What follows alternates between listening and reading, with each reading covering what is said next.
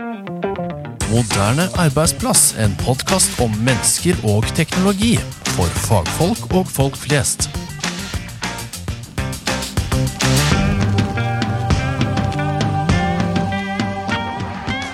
Hei, og velkommen til en ny episode av Moderne arbeidsplass. Mitt navn er Bjørn Riiber, og med meg i dag har jeg med meg kollegaene mine og rådgivere Espen Høglund Hei, hei. og Bob Nelland. Hei, hei. Hvordan har dere det, gutter? Ja, jeg giver meg på, jeg. Vi har det, har det bra, som vanlig. Jeg velger å bruke vi, eh, men jeg har det i hvert fall eh, fint. Hva med deg, Espen?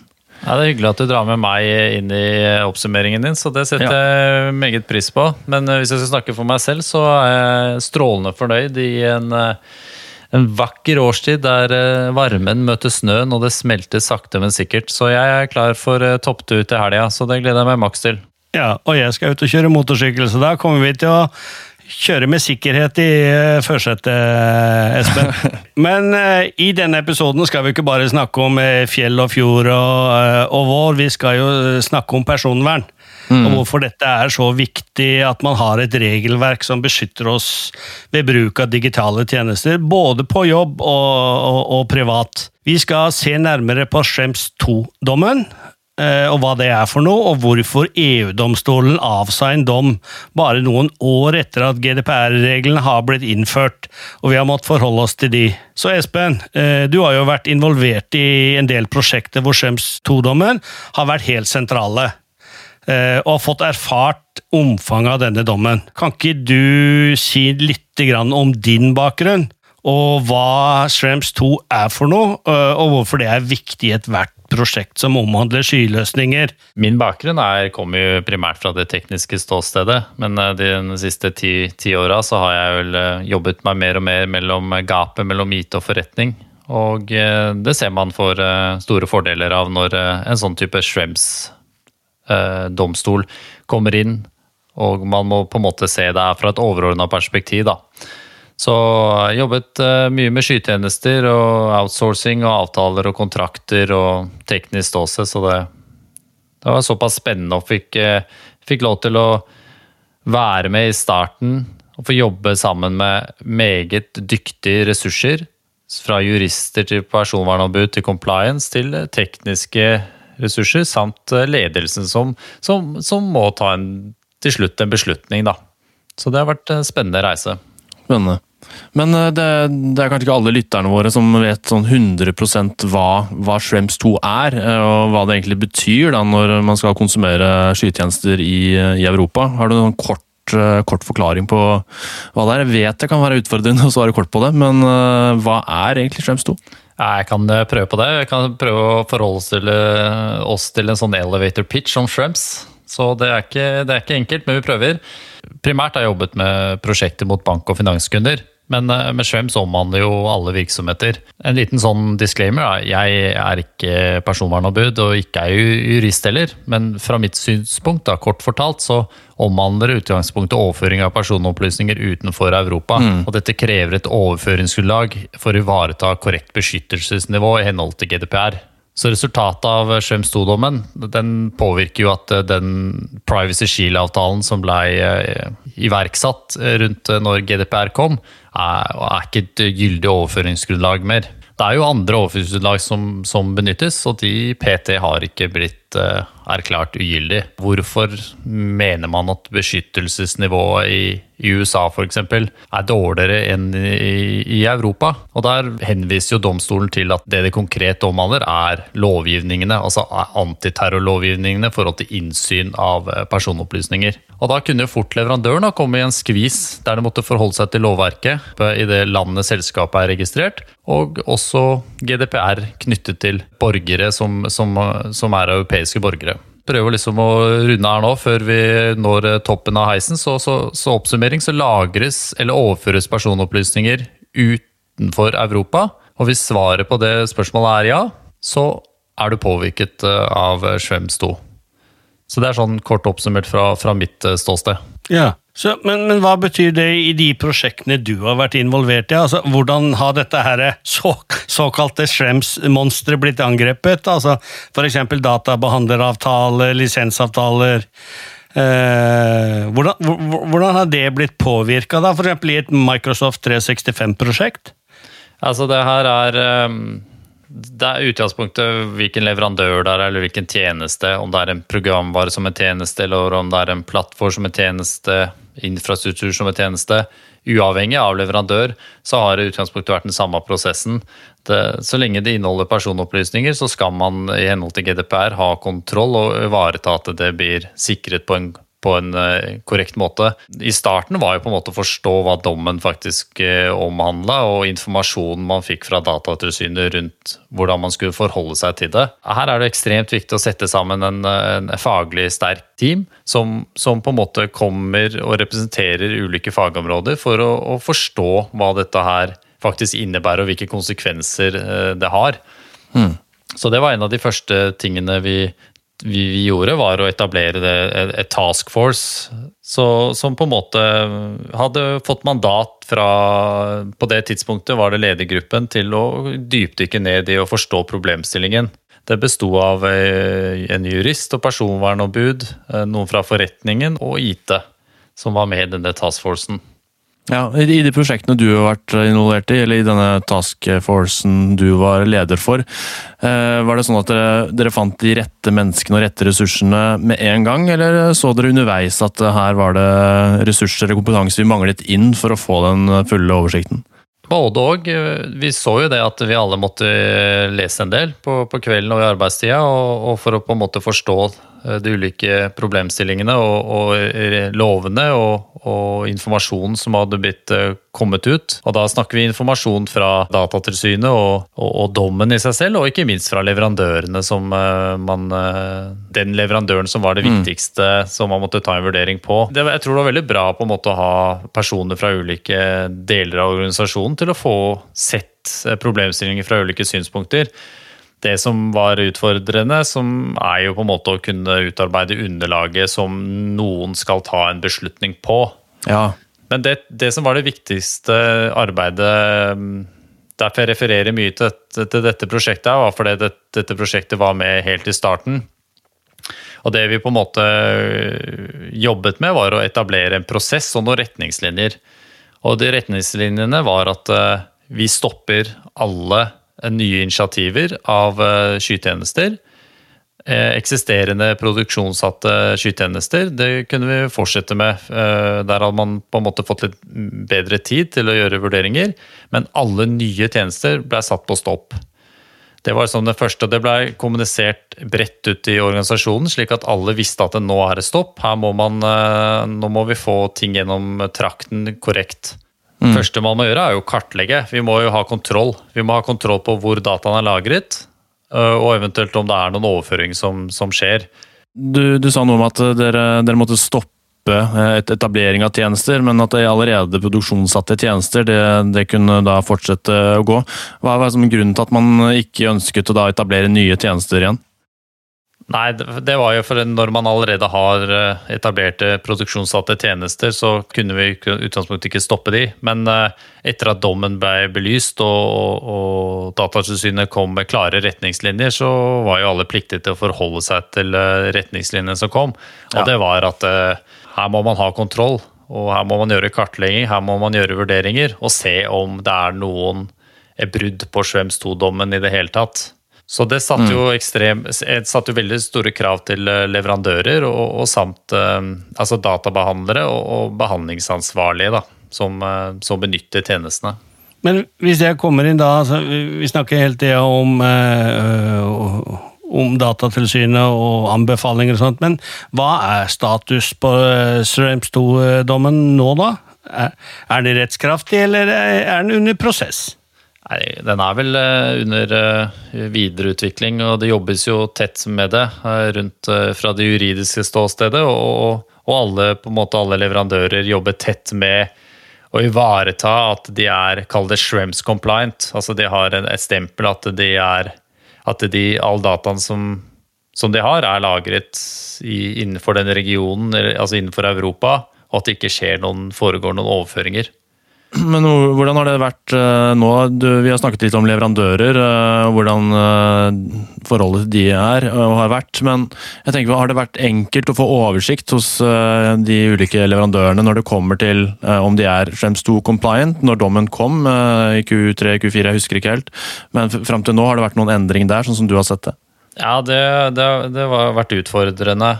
Så Det var en, en av grunnene til måte vi etablerte denne prosessen. Da. Det var jo på en måte å kunne gjøre disse kartleggingene. Og en, en del av kartleggingene er, går jo på databehandleravtalen, altså hva som står i vilkårene.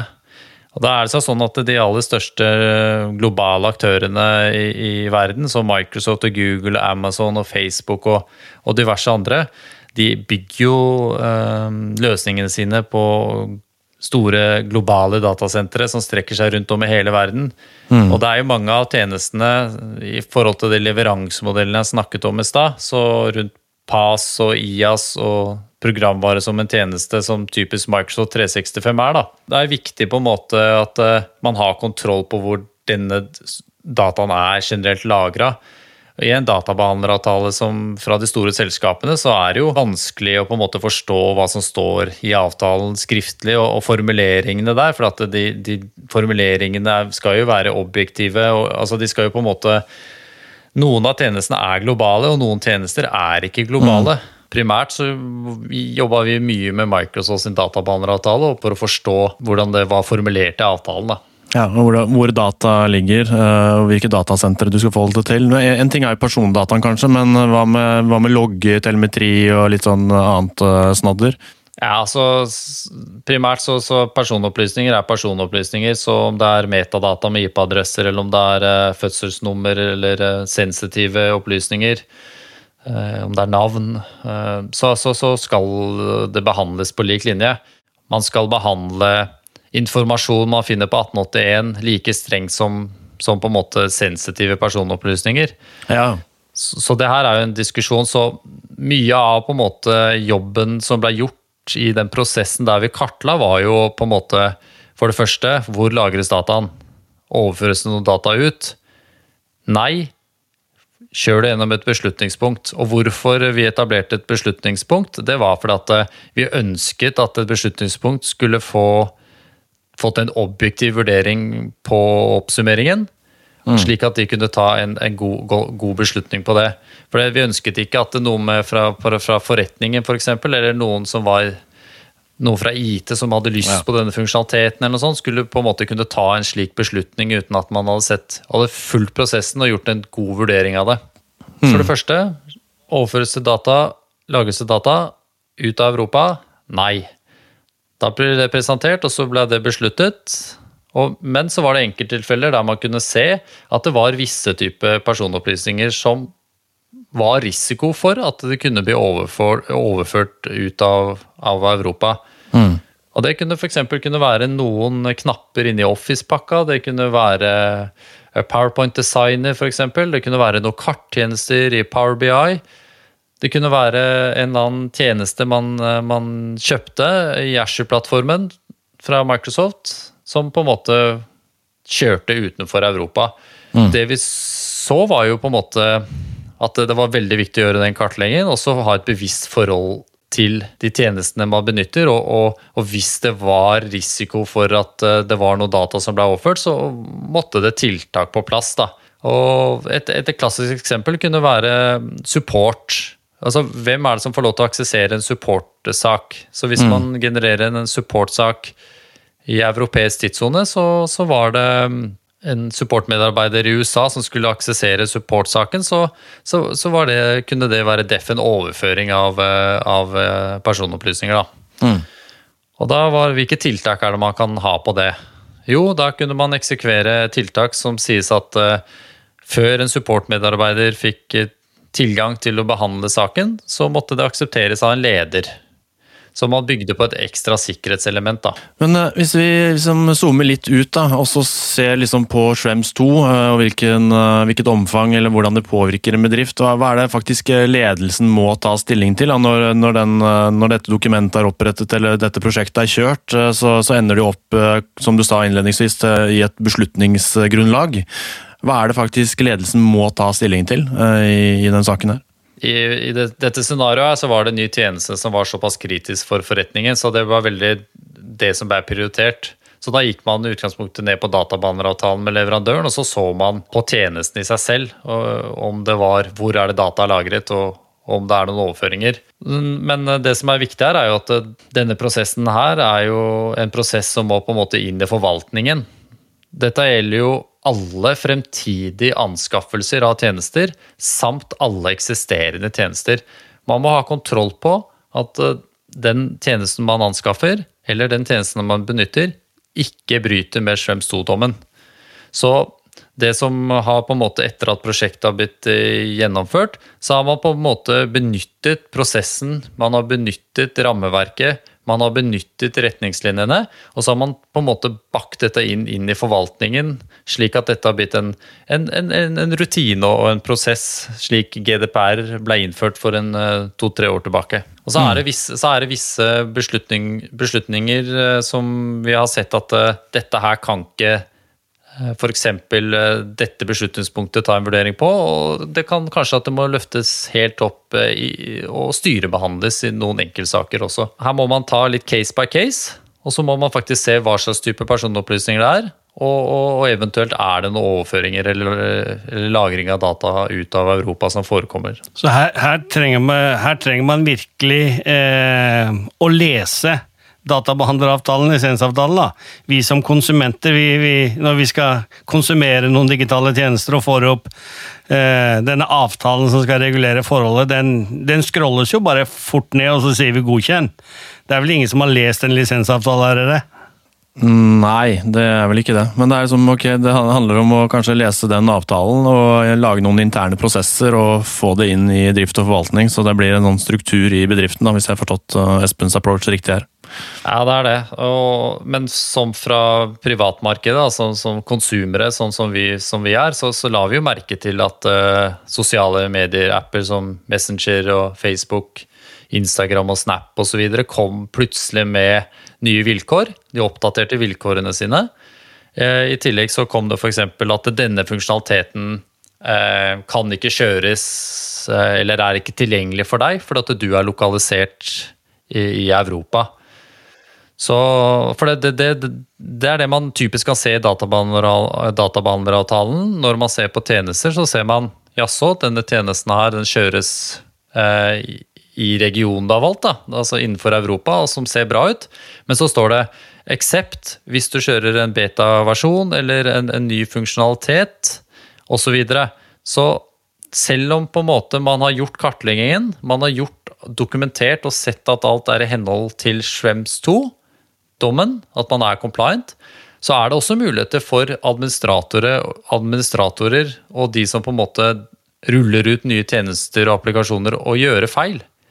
Så det er, det er, det er en rød tråd gjennom dette her, og, det er viktig at organisasjonen er klar over at det, eh, om denne problemstillingen, slik at det, det rulles ikke ut en, en, en, ny tjeneste eller en ny versjon eller en ny beta-versjon som på en måte ikke har Eh, tatt en avsjekk og gjort en kartlegging. Ja. ja men det, jeg begynner å forstå litt mer om hva Shrimps 2 er, og hvorfor det er viktig, Espen. og det er jo sånn med podkasten Moderne arbeidsplass. Nå har vi jo vi prøver å holde det kort og konsist, og nå har vi egentlig kommet til, til veis ende i Expend forklarer-versjonen. Eh, men før vi runder av, så må vi jo si tusen takk, Espen, for at du forklarte oss viktigheten av 2, eh, og, og sammenhengen og påvirkningen den vil ha inn på oss alle. Eh, hvis noen av lytterne ønsker kanskje å vite mer om det, så eh, regner jeg vel med at du eh, stiller i møte og workshoper rundt denne problemstillingen. Personlig så har jeg hatt masse nytte av det i dag, og hvordan det vil påvirke oss. Jeg skjønner jo nå at jeg må ha et mer profesjonelt forhold til eh, sånne type avtaler og sånne dommer. Eh, både som menneske og når vi er inne i organisasjoner. Men eh, er det noe du ønsker å avslutte denne podkasten med, Espen? Eller kanskje du har noen gode råd til de som har lytta på eh, oss i dag? Ja, altså, det, det, er jo kjedelig at prosjektet stopper om man ikke får fremdrift. Så, så jeg tror på en måte hvis man eh, man får et overblikk og gjør en eh, vurdering og gjør en god kartlegging, og tar beslutninger basert på den kartleggingen man har gjort, så, så å få dokumentert det, så, så er det um, Å se case by case, så er man i god uh, Lover det godt da, for å kunne fortsette prosjektene. Men det er, det er en sånn tilleggs, tilleggsinformasjon, for det har vært dette har vært en generell problemstilling som har vært eh, lang lang tid, og det går jo på etterretningslover eh, fra ulike myndigheter. Og Hvis vi ser fra amerikanske myndigheter, så har vi jo Vi har alle hørt om Snowden og, og, og FISA og, og, mye av disse antiterrorlovgivningene borte i USA. Og det har jo vært på en måte mm, løftet veldig fram da, knyttet til Schrems 2-dommen, disse lovene. altså Hvorfor er personopplysninger fra en europeisk borger mindre sikra i USA kontra hvis de, er, hvis de, er, i Europa. Og det er jo litt på de, disse lovene som på en måte gjør at eh, selv om de benytter godkjente overføringsgrunnlag, sånn som standard contract clauses, eh, som er, eh, er gyldig, så, så, så, en, så, mener man det at den dataen ikke er like sikker som om man har vært i Europa.